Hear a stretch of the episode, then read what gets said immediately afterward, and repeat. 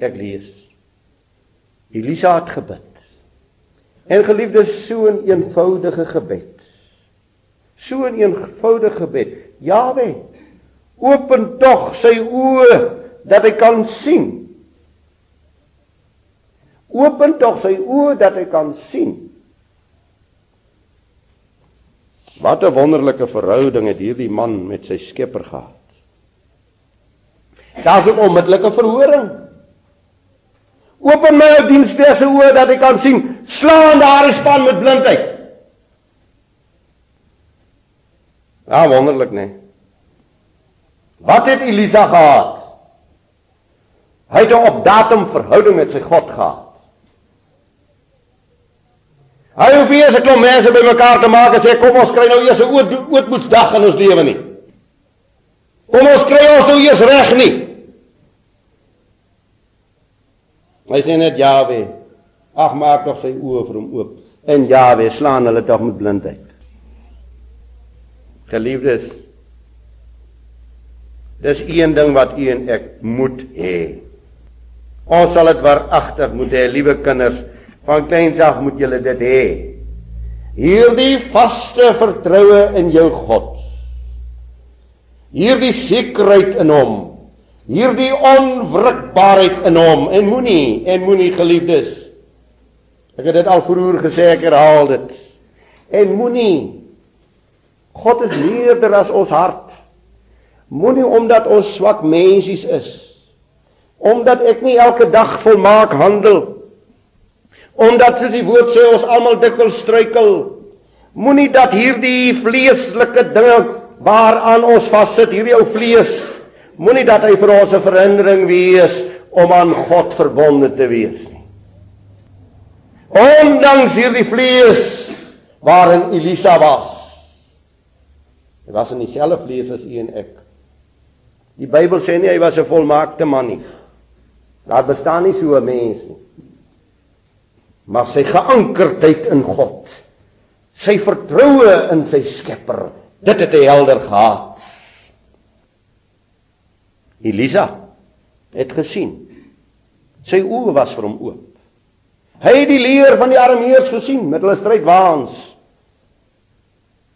maar hy het God gesien en hy het God se leer gesien elke dag van ons bestaan moet ons God sien, moet ons God se leer rondom ons sien. Sy oë was oop. Het ons dit. Ons moet nie hoop of meen nie. Of so dink nie. Ons moet weet. Ons moet vanmôre weet, my oë is oop. Ek sien die majesteit en die heerlikheid en die gesag van my God. Hy het alles in beheer. Al is jy teoloog wat sê God beheer nie meer die dinge nie. Hy het alles in beheer, geliefdes. So in beheer dat hy vir jou en vir my as sy kindertjie sê, nie haar van jou hoof sonder my wil nie. Moenie omdat ons self ons hare op die op die op die aarde uitwas en self ons hare teen 'n paal uitstamp. Nou sê dis God se wil. Jy moet onderskei. Jy moet onderskei wanneer God weet my hare val uit wie, van wie sy wil en wanneer ek self my hare uittrek. Daar's baie mense wat hulle eie hare op hierdie aarde uittrek, dan sê hulle dis God se wil. Het ons dat hierdie vastigheid en hierdie sekerheid ek is in die hand van my sterk magtige verlosser. Want ek wil die vraag vra, hoekom sou hy nou juis aan jou en my kant wees? Dis mos die hele geklikheid van hierdie kerklike wêreld. En jy al mooi gedink daaroor. Hulle sit mos nou in die kerk. Deur die eeue sappe en natte en demokrate en nie demokrate noem hulle op. Sit hulle daar saam. Hulle gebruik ook saam die tafel van Jawe. As dit by die verkiesing kom, dan dink elkeen God is sy kant. Dis net soos die sportmanne ook. Ek moet wen want God is my kant. Dis nie God se werk nie. Dis nie God se werk nie. Dis die verdwaasde mens wat so dink. God is met die koninkryk van God besig. Ek het niks teen speletjies nie, maar dis net my speletjies. Dis nie God se speletjies nie. Geliefdes, hierdie vraag is so direk. Waarom sou God nou juis aan jou en my kant wees vanmôre? op grond waarvan? Samson het nog gedink, ek sal vry uitgaan soos al die ander kere en die gees van God het hom verlaat. Koning Saul val op die gebergtes van Gilboa. Hierdie man wat deur God gekies is. Hewig is die aanslag op die disipel Petrus met vloeke sê ek ken hom nie. Jonathan sê dis vir God ewe maklik om met min of baie te verlos. Kom ons loop die wagpos van die Filistyne storm sê vir sy wapendra. Dawid kon sê met my God loop ek 'n bende storm met my God spring ek oor 'n muur. En Paulus sê ek is skaam vir die evangelie van Yeshua Messia nie, want dit is 'n krag tot redding. Geliefdes, of die aanslag nou fisies is en of die aanslag nou op jou en my geestelike lewe is. God plus een man.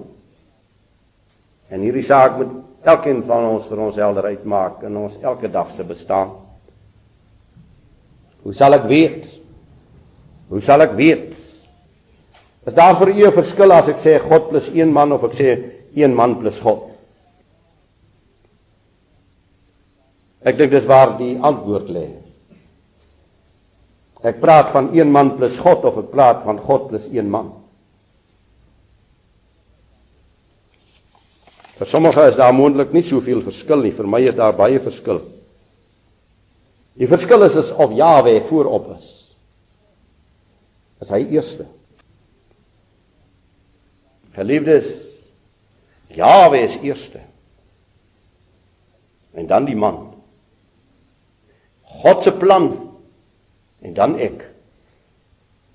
Elisa het die doel en die sin van sy lewe geken.